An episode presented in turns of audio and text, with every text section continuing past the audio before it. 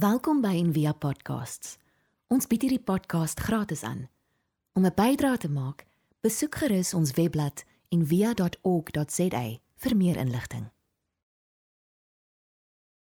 Baie baie welkom. Dit is lekker om julle almal te sien.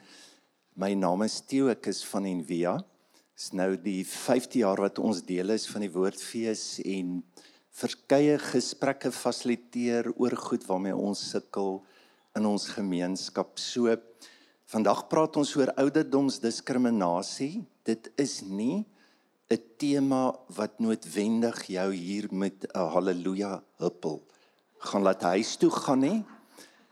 Die boodskap basies is dat jy gaan doodgaan en hulle gaan teen jou diskrimineer. Nou, liewe vriende, ons het 'n goeie verteenwoordiging hierso van ouderdom. Daar's John. John is 80. Martin hier langs my is in die 70s. Ek is op pad aftrane 60 toe. Geen omkeer en Frida is word 5 25, ja. so baie van ons ken vir John Emeritus professor en ehm um, ja John wat ehm um, ongelooflike klomp werk gedoen het. Ek weet nie hoeveel boeke John en ehm um, ja jou jou lewe, jou hart, jou skryfwerk ongelooflik baie beteken ek dink vir baie teoloë. So dit's so lekker om vir jou hier te hê.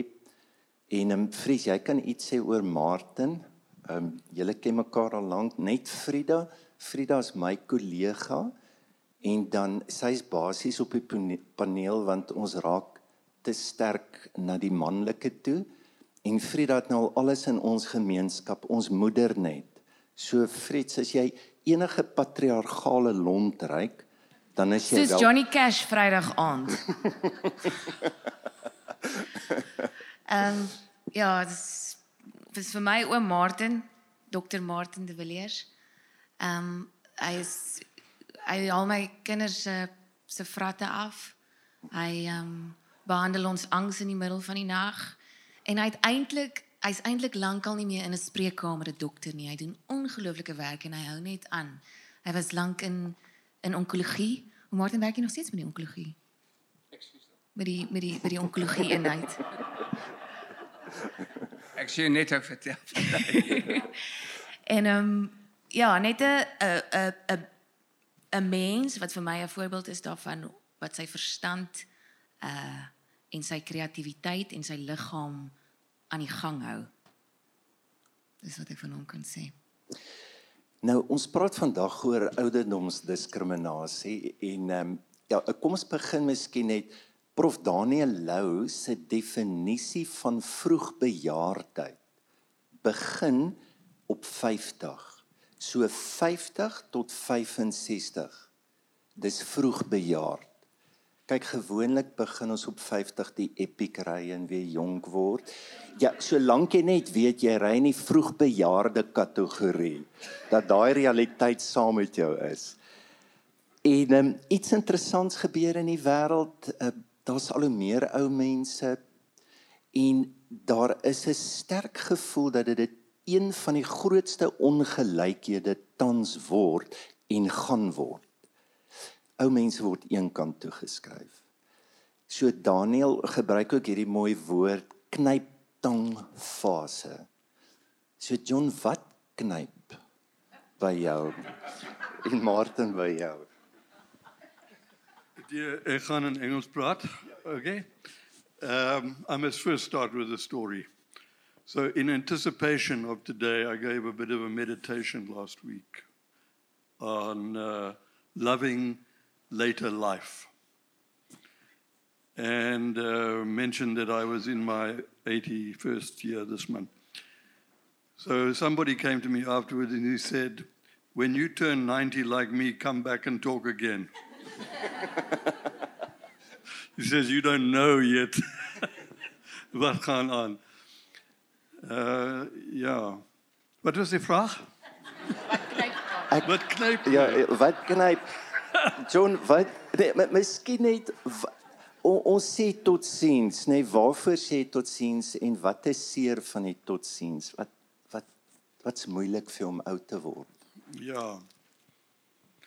I, I think um, I, I'm very uh, thankful that I can still do lots of things.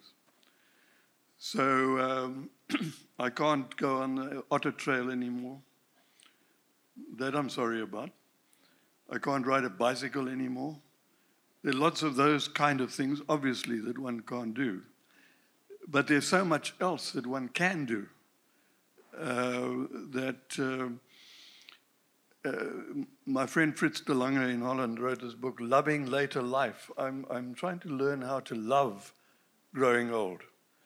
And, um, and instead of saying, I wish I was young again, saying, wow, let me try and love who I am now. Because that's the way to deal with the, the, the issue that you're raising here. What, what is bothering, what bugs you now?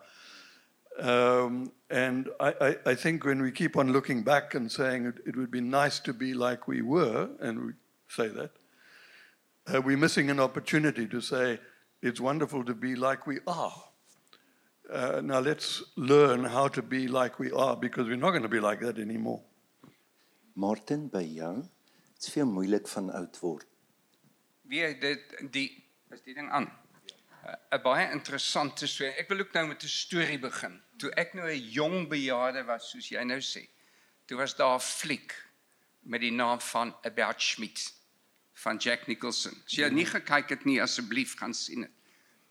Die fliek begin, hy het, hy het vir so 'n groot corporate gewerk so Sanlam of Mutual en hy sit so in die sekonde wyse gaan so op na 5 uur toe want hy tree af. En toe sy aftree, toe eindig sy lewe. Toe begin sy challenges, toe sit chaos. Nou ek het net gesê ek wil nooit so wees nie.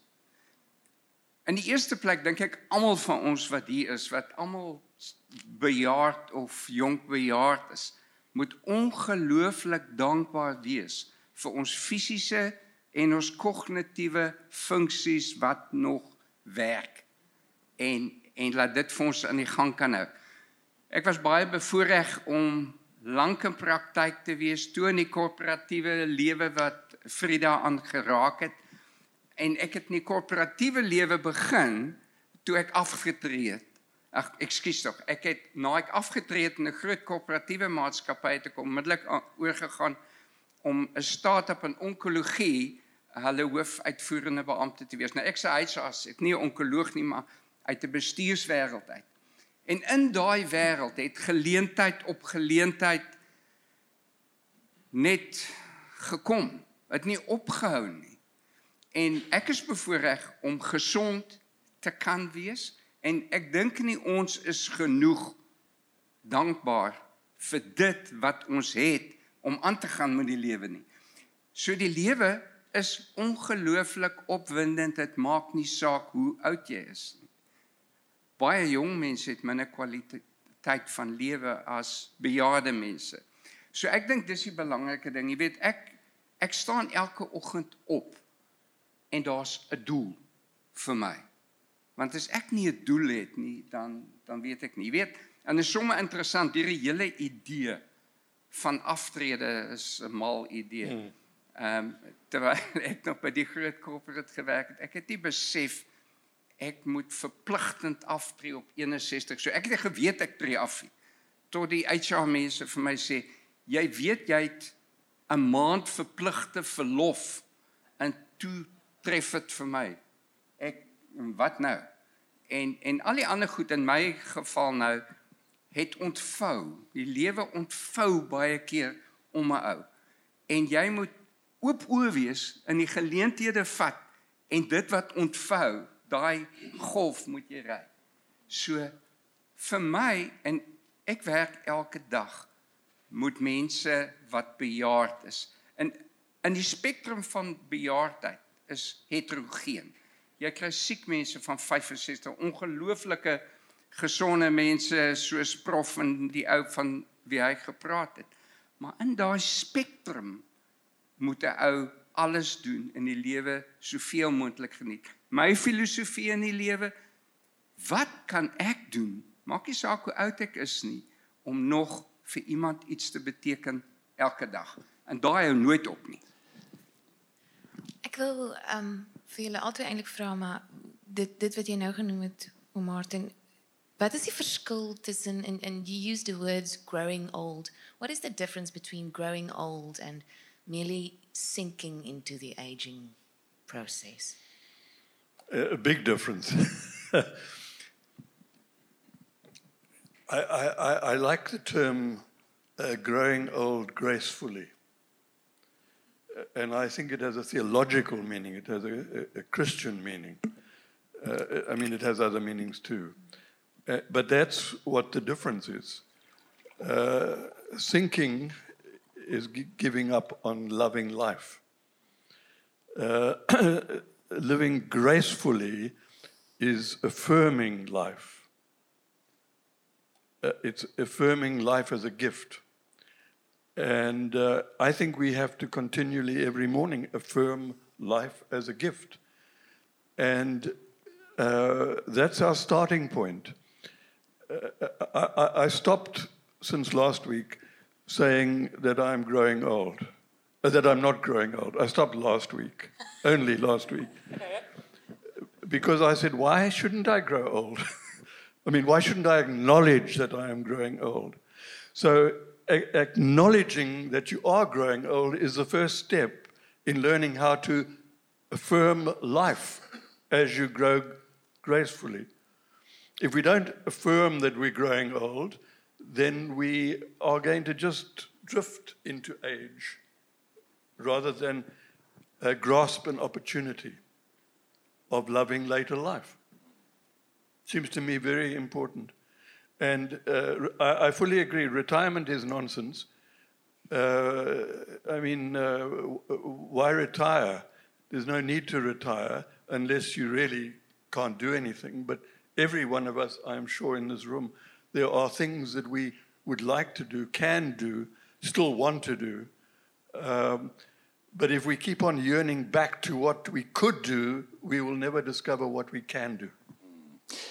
Ehm kom ons praat vir 'n oomblik net hoekom word daar gediskrimineer. Ehm ek ek dink dis 'n verskriklike groot ding. Nou ongelukkig daar's verskriklik min literatuur beskikbaar oor hierdie fase van ons lewe. Is nou maar onlangs en ek dink John jy weet dat ehm um, gerontologie word nou aangebied op 'n paar universiteite. Net hoe word ek oud? Wat gebeur fisies, maar wat gebeur ook geestelik? Binne in ons. En interessant genoeg dat hulle reken dat die meeste antwoorde en rigtingwysers lê in poesie. En Frida, dis hoekom jy hier is. Thanks to you. Nee, dit sal um, nice nee, ek het hierdie ek het afgekom op hierdie ehm um, ding wat wat CP Leach geskryf het, uh, baie satiriese gedig waar hy sê ek ek beny mamsie vir al die mense wat u gaan ontmoet. Daai kyk hoe laat is dit en ek moet groet. Ek is seker mamsie gaan so gelukkig wees hier. Ek stoot die potjie onder die bed in. Goodbye, ons sien almal vir mamsie Sondag. En dis baie keer wat dis hoe ons diskrimineer teen die ouderdom. Ons stoot dit weg van ons af omdat dit ons eie angs oor oud word Ja, ja. reflekteer. Um, en ek weet jy doen baie werk ook oor dit oor oor hoe sorg ons vir bejaardes, geseëndes. Um en en ek sit hier omdat ek wil omdat ek wil weet hoe om reg en goed oud te word. Um ja. E- Enige ander groot goed hoekom gebeur dit dat ouer mense word ja, ons het nie eens 'n mooi woord. Jy weet as ons nou praat van 'n pensionaris, dan 'n pensionaris kwalifiseer vir afslag. Ons minimaliseer hulle waarde. Hulle ons het nie 'n gewig waar ons daaroor praat nie en jy weet dit werk nou seker maar soos wyn. Ons hele lewe moet eintlik goed verouder. Maar nou moet ons sê party verouder nie so lekker nie. Yeah. So nou sit ons hulle eenkant. Jy weet, ehm um, wat, wat wat hoekom doen ons dit? Wat Dear, uh, uh, you said something about age anxiety. I think that's part of the problem. Uh, uh, uh, uh, th- that we sometimes find it difficult to relate to people who are really old. that means older than you are. Um, because they remind us of how we are going to be. And that makes us anxious about actually uh, relating to them. So we much rather cuddle babies or be with young people uh, or whatever it may be, but with people who are older than us who are showing signs, uh, real signs of age, that makes us fearful because it says to us, uh, that's how we're going to be. So let's escape from having to be with them and be with those who make us feel much more hopeful, maybe. Ja. En Martin dalk by jou as 'n mediese dokter. Kyk, ons het soveel prestasie druk dat ek weet Daniel Lou sê ook teen die tyd wat ons moet aftree is ons kapot. Depleted. En wat is jou ervaring as 'n dokter met mense veral wat deur enorme prestasiedruk was? Ja. So ek ek dink daar's ook 'n paar goed. Ons gemeenskap soos dit nou is. Totale gemeen, jonk en oud is onder druk. Die kapitalistiese stelsel met sy verbruikersoriëntering sê almal is altyd besig. Jy het nie meer tyd om in die gemeenskap betrokke te wees en aan die gang te bly nie. So dis nie dat daar gediskrimineer word en ou mense eenkant gestoot word. Almal word eenkant gestoot omdat ons so gefokus is om dit te maak in hierdie uh verbruikersekonomie. So die belangrike ding vir ons en die 23 jaar gelede was daar groot kongres in Amerika en sê die doel van die kongres was wat doen ons hoe hoe kry ons ons mental models anders om te dink aan hierdie tsunami van mense wat oud word? Om vir hulle op gesondheidsorg en op pensioenvlak met ander woorde al, albei met ekonomiese implikasies en nie op die sin van lewe vlak nie um, te akkommodeer hoe hoe akkommodeer ons die ouens wat nog moet werk omdat binne 'n ekonomiese wêreld hulle nou hulle pensioen ver verby ehm um, gelewe het. So die diskriminasie vir my en en dis sommer nou praktiese goed wat ek nou vir julle sê. Soos ons oud word, het jy baie keer hulp nodig net vir daaglikse aktiwiteite om te bad, om aan te trek, om kos te kry. En aan die mediese skema kant sê hulle daar's geen voordele vir jou nie want jy's nie siek nie. Jy's net klaar met die lewe. Nou as dit so is en jou familie is besig met al hulle aktiwiteite, wat gebeur met jou? En dit is iets wat ons elke dag mee te doen het. So die regering het nou 'n fantastiese beleidsdokument oor palliatiewe sorg wat hulle sê as jy vervruil is en ek weet nie wat se mooi woord vir Afrikaanse woord vir frail. As jy frail is, dan kwalifiseer jy vir palliatiewe sorg. En palliatiewe sorg sê sorg om kos te kry, om vloeistof te kry, om jou pyn te laat verlig en net gemaklik te wees. Dis al. Daar's daar's nie magic bullets wat dit doen nie. En daar word op 'n praktiese vlak vir my, daai is een van die belangrike punte van diskriminasie. Ek dink nie omdat ons ouer is moet ons voel daar word teen ons gediskrimineer nie. Ehm um, ek het ver oggend 'n baie interessante gesprek met my kleinseun gehad. Hy kom lê daar langs my in die bed en hulle trek in 'n nuwe huis in en hy en sy storie is maar oupa ek wil 'n kas uit my kamer uit hê. Ek sê nie meer jy kan nie kas uit jou kamer uit hê nie. Ek bedoel mense te kas vir klere nodig. Hy sê maar hy het nie genoeg plek om sy uh vriende te onthaal nie. Ek sê my onthaal nie vriende in jou kamer nie. Gaan sit in die eetkamer of in die TV-kamer en jy onthaal jou vriende. Hy sê oupa, dis net jou ouderdom wat daar praat. So Ja. Theo, this this is a yeah. you, my my uh, grandparents still lived with family.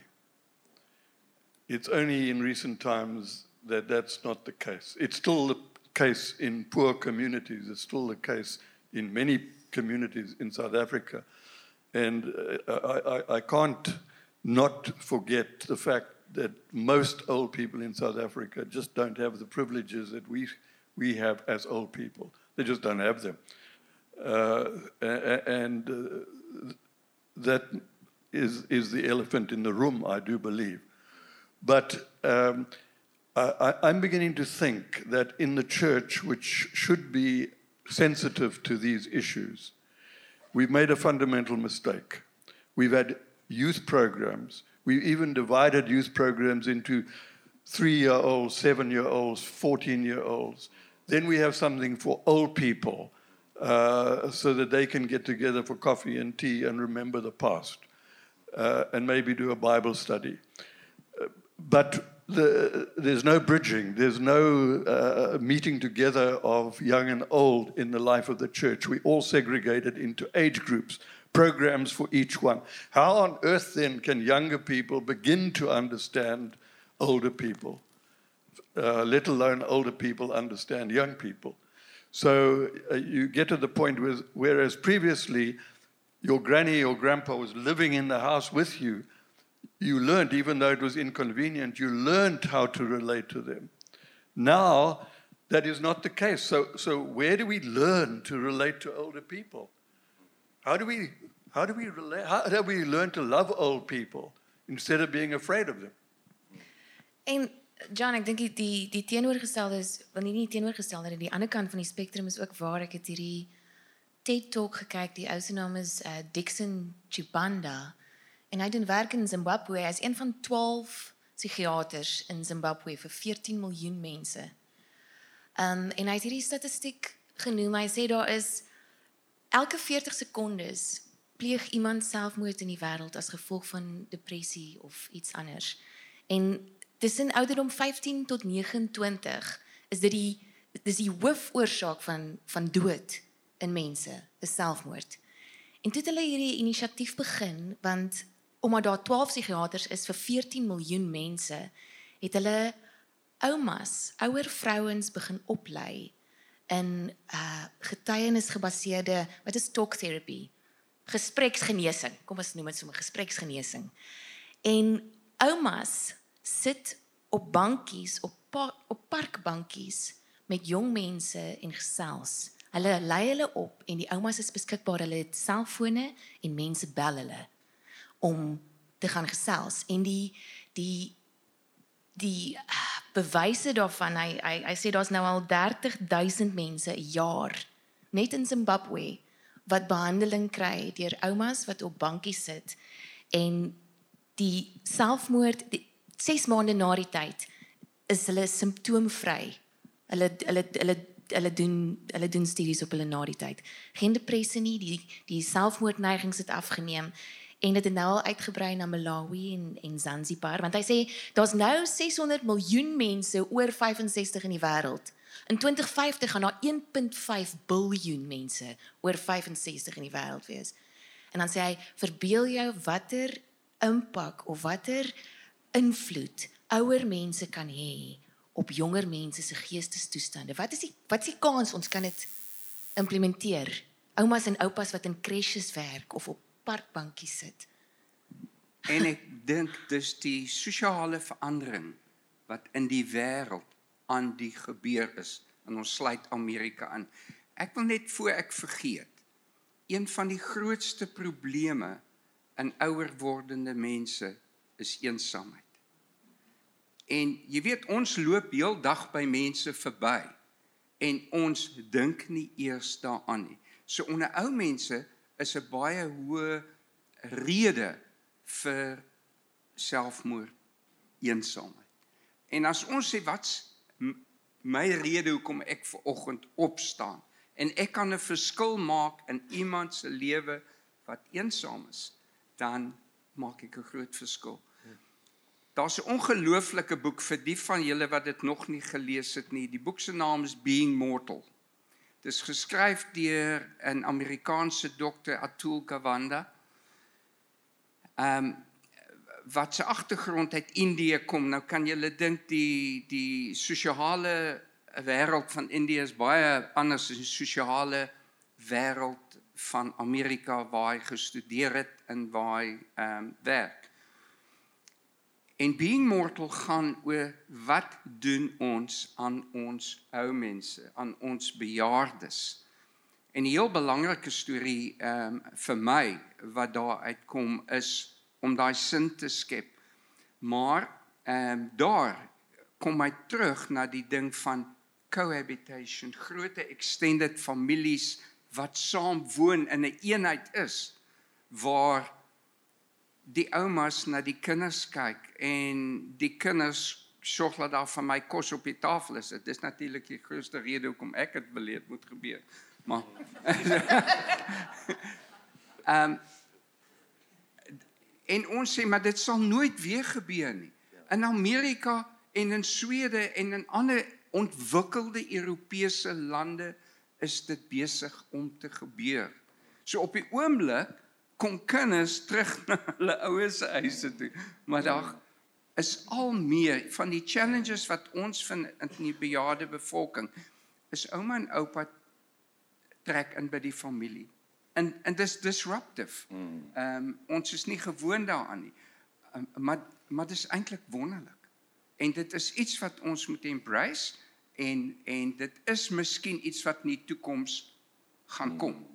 So die goed is belangrik om oor te praat. I, I must tell the story of that book, the opening chapter. So he goes to visit a doctor who specializes in looking after old people. And he sits there all day because he wants to write this book. He sits there all day seeing how the doctor handles old people. So in comes this old lady who's got everything wrong with her. Uh, and uh, so he listens to her.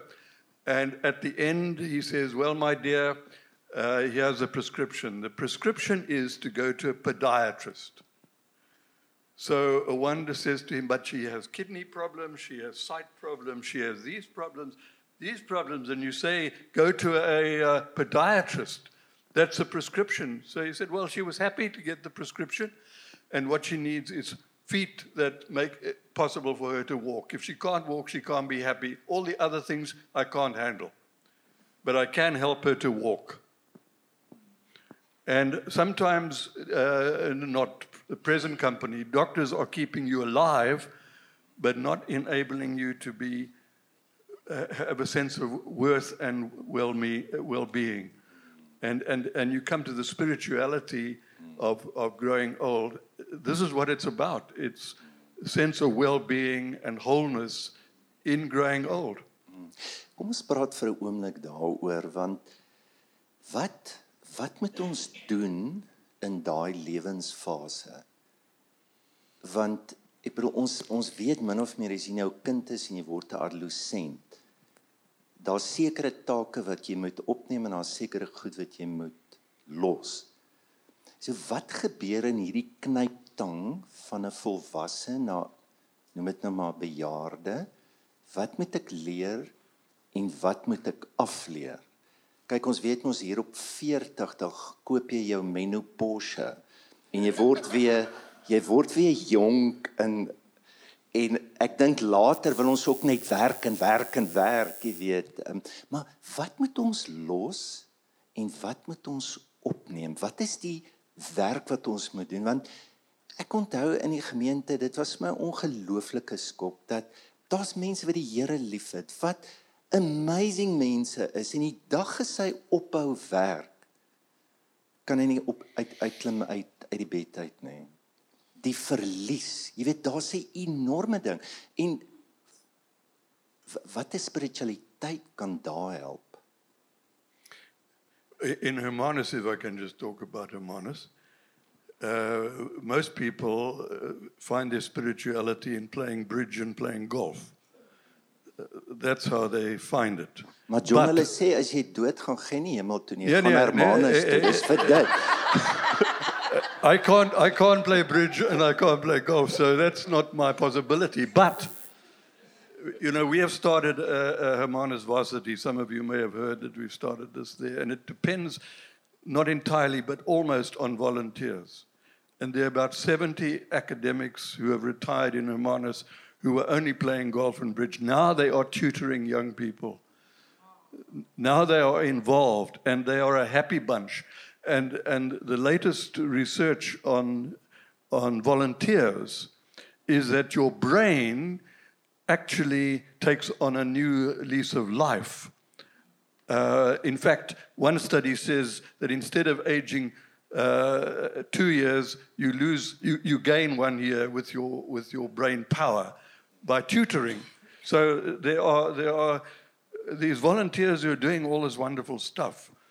Uh, and I, I know people close to me who, who were teachers in mathematics and other things who have become poets and artists. They've discovered things that, that while they were doing their, uh, the job for which they trained, there was an element, there was a side to them that they didn't even know existed. And now they suddenly discover this. And it adds depth and meaning to life. And this is what we're talking about. En en dit is presies waaroor dit gaan. En jy weet, ons kan nou dankie. Ons kan nou sit en wag dat iemand dit vir ons doen of ons kan self begin doen.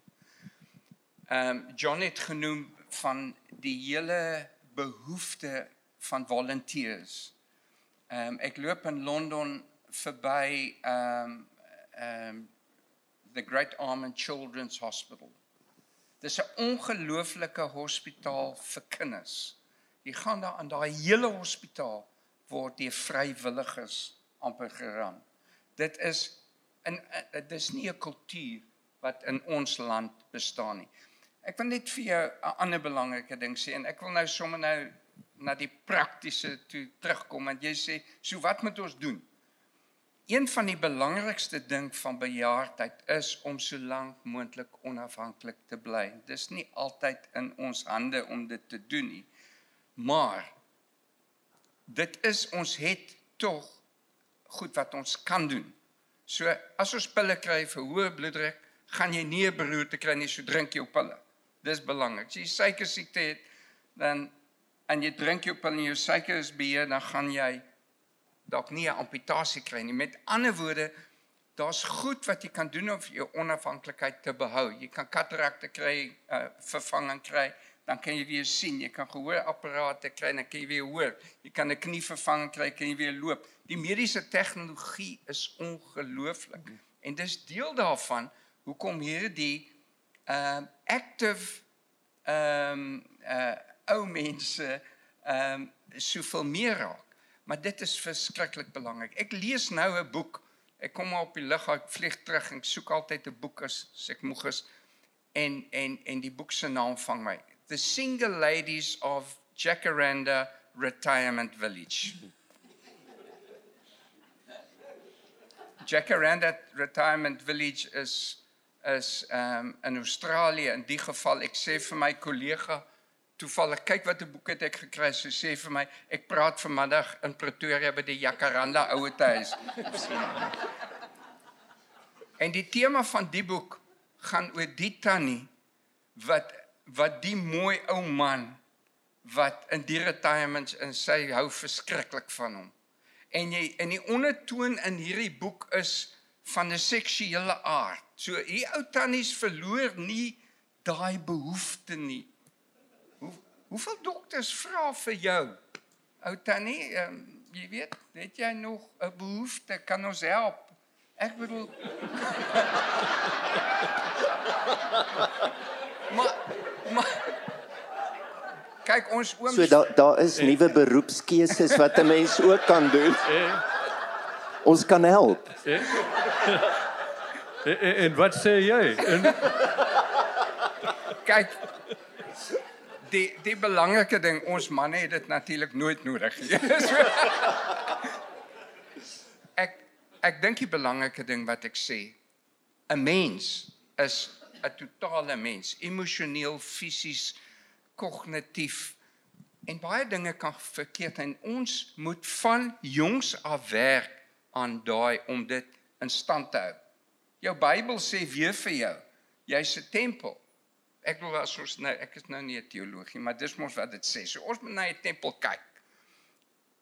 So jy hou nie op daarmee soos jy ouer raak nie. Dit raak al meer belangrik soos jy ouer raak. Want ons het 'n job te doen. En ek dink wat ek hoor wat John gesê het, weet jy, ons kan die wêreld transformeer waarin ons oud word. Daar hoef nie teen ons gediskrimineer te word nie. Ons moet sorg dat ons 'n rol speel en sê ons kan nie saam met sonne hierdie ou mense in hierdie mooi land van ons woon nie. En ek dink jy weet, ja. dis net 'n mindset. So ons net anders begin dink daaroor. Yeah, uh, at the end of last year, which was the first academic year of the Hermanus Varsity, we only had 40 students, all from the township. So the tutors threw a party on the beach for all the students. And there you had all of these black students in their 20s and all of these retired white people who had been their tutors. It was one hell of a party. and there was, no, there was no sense of them and us. There was a tremendous sense of us. We've achieved something.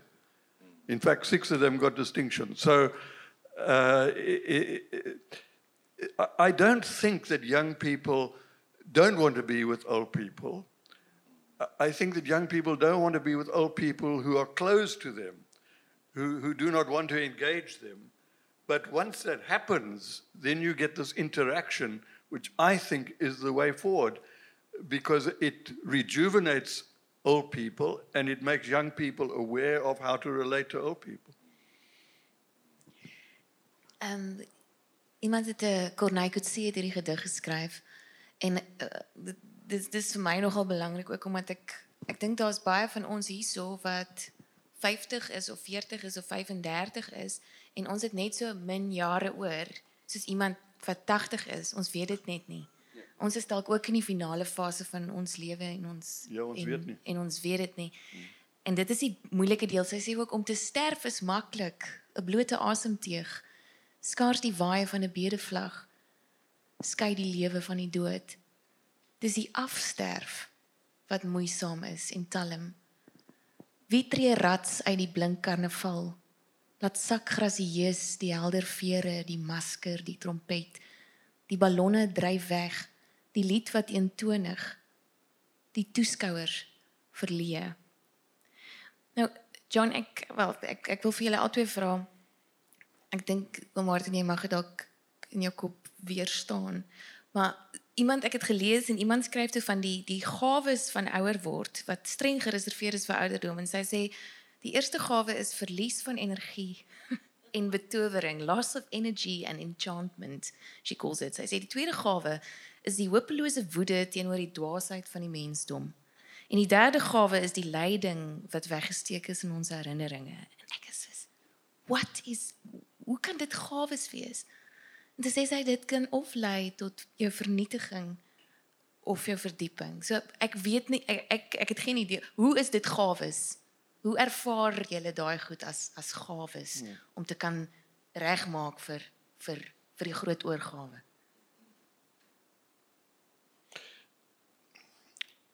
Uh, if you're old, the great gift is that you have lived so long. And in the course of that period, you've also hopefully learnt a great deal. So we're now worried about the, the, the latest virus uh, I, we can, if you're old, we've been there before, maybe not exactly this one, but we've been through that before. Uh, we have a perspective, uh, there's, there's, a, there's a gift that we take with us from the past of experiences that enable us to negotiate the present. So uh, young people say, uh, say uh, the country's in a terrible mess. I said, you weren't alive in 1960 or in 1970, you weren't alive. But, but we have been there. We, we, we know where we're coming from. Uh, so I, I, hope this is responding to your question. So, so then, then uh, students and young people want to sit down and talk. They, they actually, instead of uh, being bored of saying, well, you know, in the old days, they, they want to know what was it like And how do we learn from what was it like to negotiate where we are? We are not going to have to negotiate, but they are. They want to know what they can actually get from us. And that's a gift. We have that gift to share, but if we keep to ourselves or do not uh, engage with young people, this gift that comes with old age of experience and wisdom uh, and insight, we're squandering it. We're not sharing it. That's a great gift. John, ek wil weet um, en ek dink hier's dalk vandag ook baie mense wat uit die kerk uit gaan en dan veral ouer mense. Want ek dink as jy ouer word, jy kom agter baie goed is maar relatief. En baie mense kyk ons sit in die kerk ook mense geleer, jy moet geloof sekerheid hê. En nou ouer jy word dan kom jy agter maar dit bestaan hè. Hoe hoe vind 'n mens jou pad met God want ek dink op 'n manier laat die Here ons outomaties na binne toe. Gaan ek bedoel ons oë gee in dat ons afgesny kan word van hierdie uiterlike. En en en dis baie keer die ding wat verskriklik moeilik is, maar hoe gaan jy as 'n pastor of as 'n teoloog vir iemand help want ons is op pad na die groot stilte toe? Ja, uh, I, think we have to be very realistic here. There comes a moment uh, when you do, people do get dementia. There comes a moment when you have to be committed to frail care. It's not all rosy growing old. So uh, let's not bluff ourselves. And that's what that 90 year old was telling me. I don't think you're an expert on growing old until you've turned 90. Uh, so, um, so, so we have to be realistic and we have to acknowledge that death is a reality. I keep on thinking my, my eldest son died when he was 49 in an accident. So he had a whole life before him, but his, he, he, that was the end of his life. And that could happen to any of us tomorrow. Uh, you don't have to be old to die. So it's, it's, it's learning uh, how, how to be old that day at a time. And what was I going to say now? I can't remember. Nee, nee, John, John, sê vir ons hoe hoe kry ek my pad na God toe? O, die, die en, pad en om binne Ja, nee, nee, te gaan. ek- Nou, ek kom ons bly by die Bybel. Ek, verstaan. Ek verstaan. Jy weet uh, the older I get the less I know about theology. the more questions that I have uh, that I'm going to ask and even that I'm not sure I'm going to be uh, have the opportunity. So but um, you know uh, uh, yeah, when you are 40, you're going to save the world, but uh, realistically, now you're not going to do that. Uh, there, are enormous resources in Christian faith uh, if we're open to them for growing old.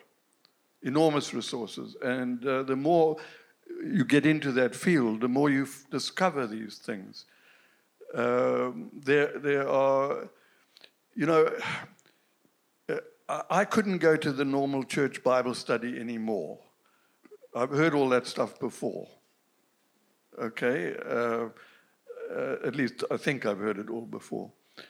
I, I, I really need to have a, an, uh, an appreciation of, of Christian faith and the Bible or whatever that is fresh and new for me now at this stage in, in my life. And, and maybe uh, this means listening to younger people, not to the, the older people in the small Bible study group who are all my age uh, and who simply repeating the things that we learned in the past and, and not hearing anything fresh, new, uh, and insights which make us feel alive again. It may also make us feel a little uh, uncomfortable, but it, it does seem to me that um, we get trapped in uh, the same old thing Sunday by Sunday by Sunday by Sunday uh, because we, we are not prepared, we're not open to receiving the new. And when our faith doesn't, isn't open to the new, then it's closed down. Maar dis 'n dis 'n interessante vraag van jou want van ek 'n jong dokter was tot nou wat ek nou nog altyd relatief jong dokter is, Jy lieg. is dit Okay. Uh ontkenning is een van die grootste goed, ja.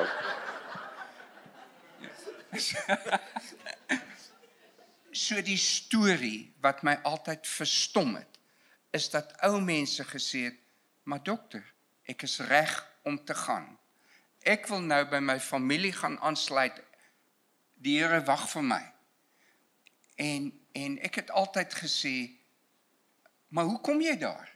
Ek bedoel hoe kry jy jou geloof so sterk dat jy sê i'm ready to go? Want baie baie van ons sê dit gaan gebeur it's inevitable. Maar nie nou nie. Maar maar dit kan gebeur. Ek bedoel ek weet nie as ek nou my Chinese takeaway gaan eet of daai ou laasweek in China was nie. Ja ja ja.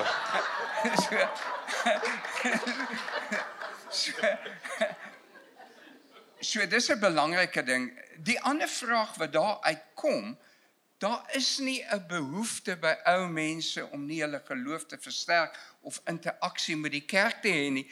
Dis miskien net fisies moeilik om selfs uit my kamer tot in die saakie waar hulle kerkdiens hou.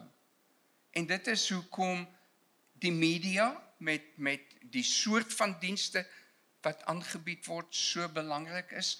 As ons net moet onthou, mense is gehoor gestremd en gesien. Hoe bereik ons dit weer eens?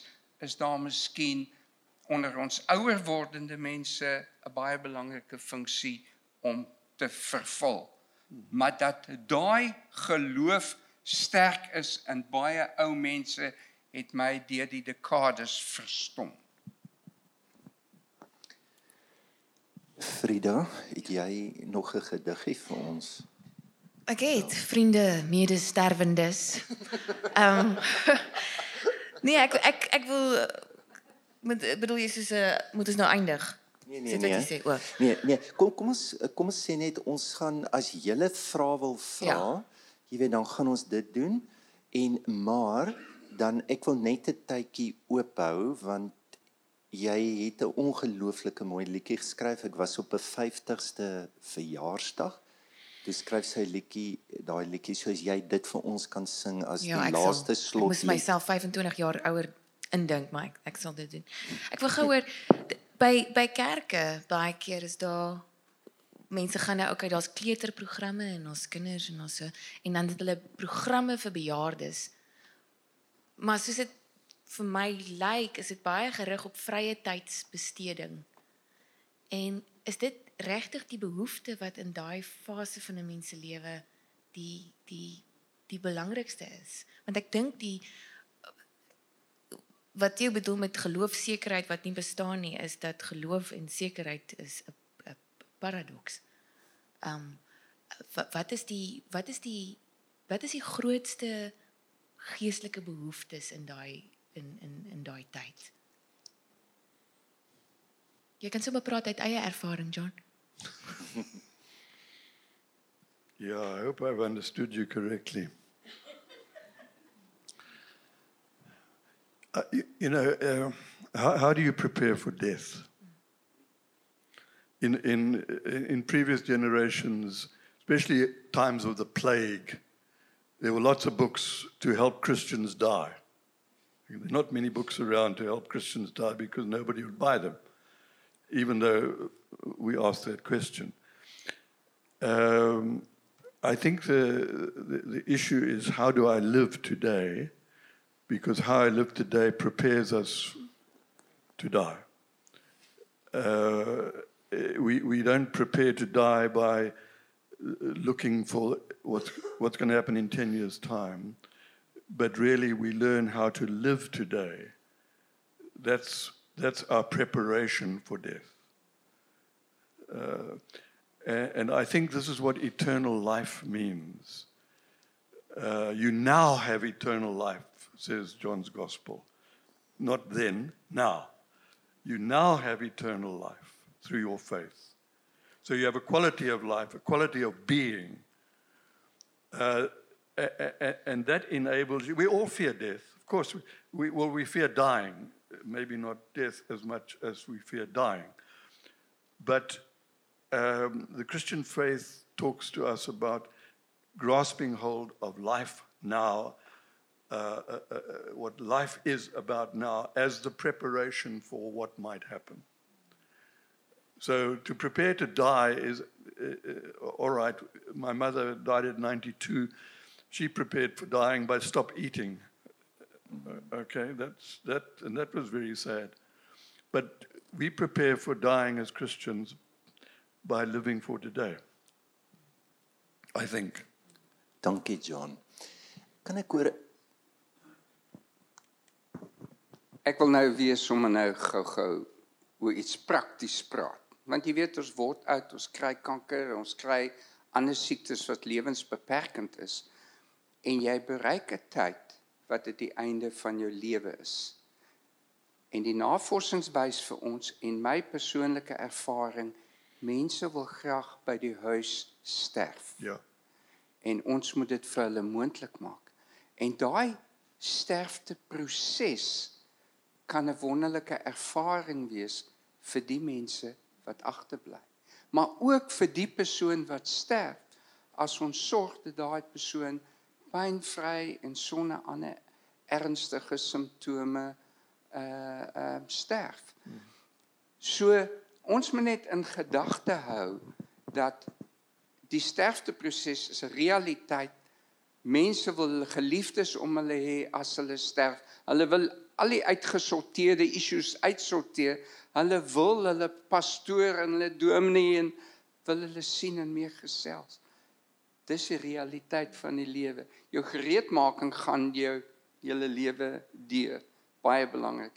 Dis sommer 'n interessante storie. Ek het remote control ehm, 'n um, pasiënt het sy sterfte fase gelei onlangs 'n jongerige ou en ehm um, hy was ongelooflik benoud en ehm um, hulle sê toe wat wat moet hulle doen? Ek sê wel kom ons gee vir jou morfine. Dis 'n morfine. Ja ons gee vir jou morfine en sit die suurstof weg.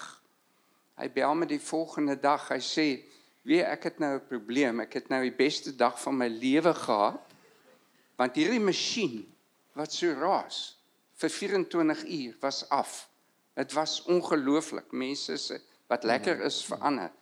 Hy sê maar my probleem is die volgende. Ek het gister voor jy nou gebel het, het ek vir my familie gesê hulle moet kom, ek wil afskeid neem, I'm gone.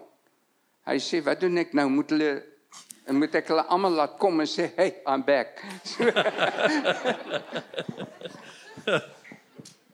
ek dink moenie vergeet dat die einde van die lewe is 'n fase wat ons moet maklik maak en as dit in ons vermoë is om by so 'n persoon te wees en saam met daai persoon deur die sterfteproses is 'n voorreg. John, baie dankie vir jou tyd, um vir jou hart.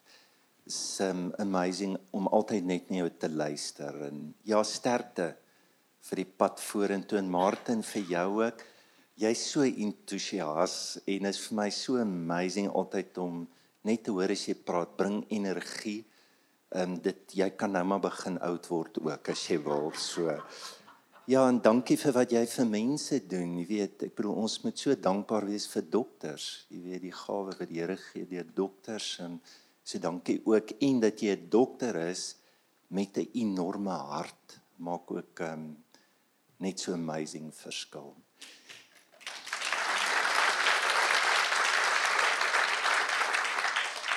Ja, miskien die laaste woord John toe jy ehm um, begin het, het jy iets verskriklik mooi gesê van wat doen jy jy jy's nou maar besig om weer lief te word en te leer om lief te hê.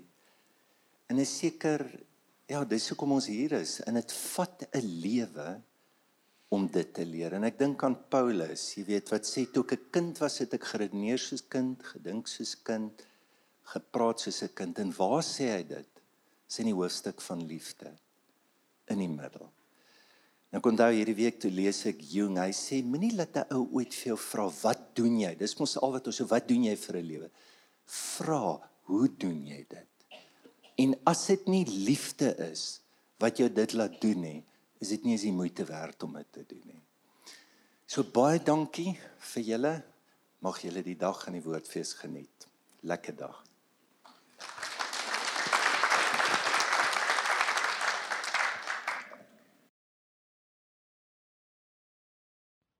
Ons hoop van harte jy het hierdie podcast geniet of raadsaam gevind. Besoek gerus en via.ok.za vir meer inligting.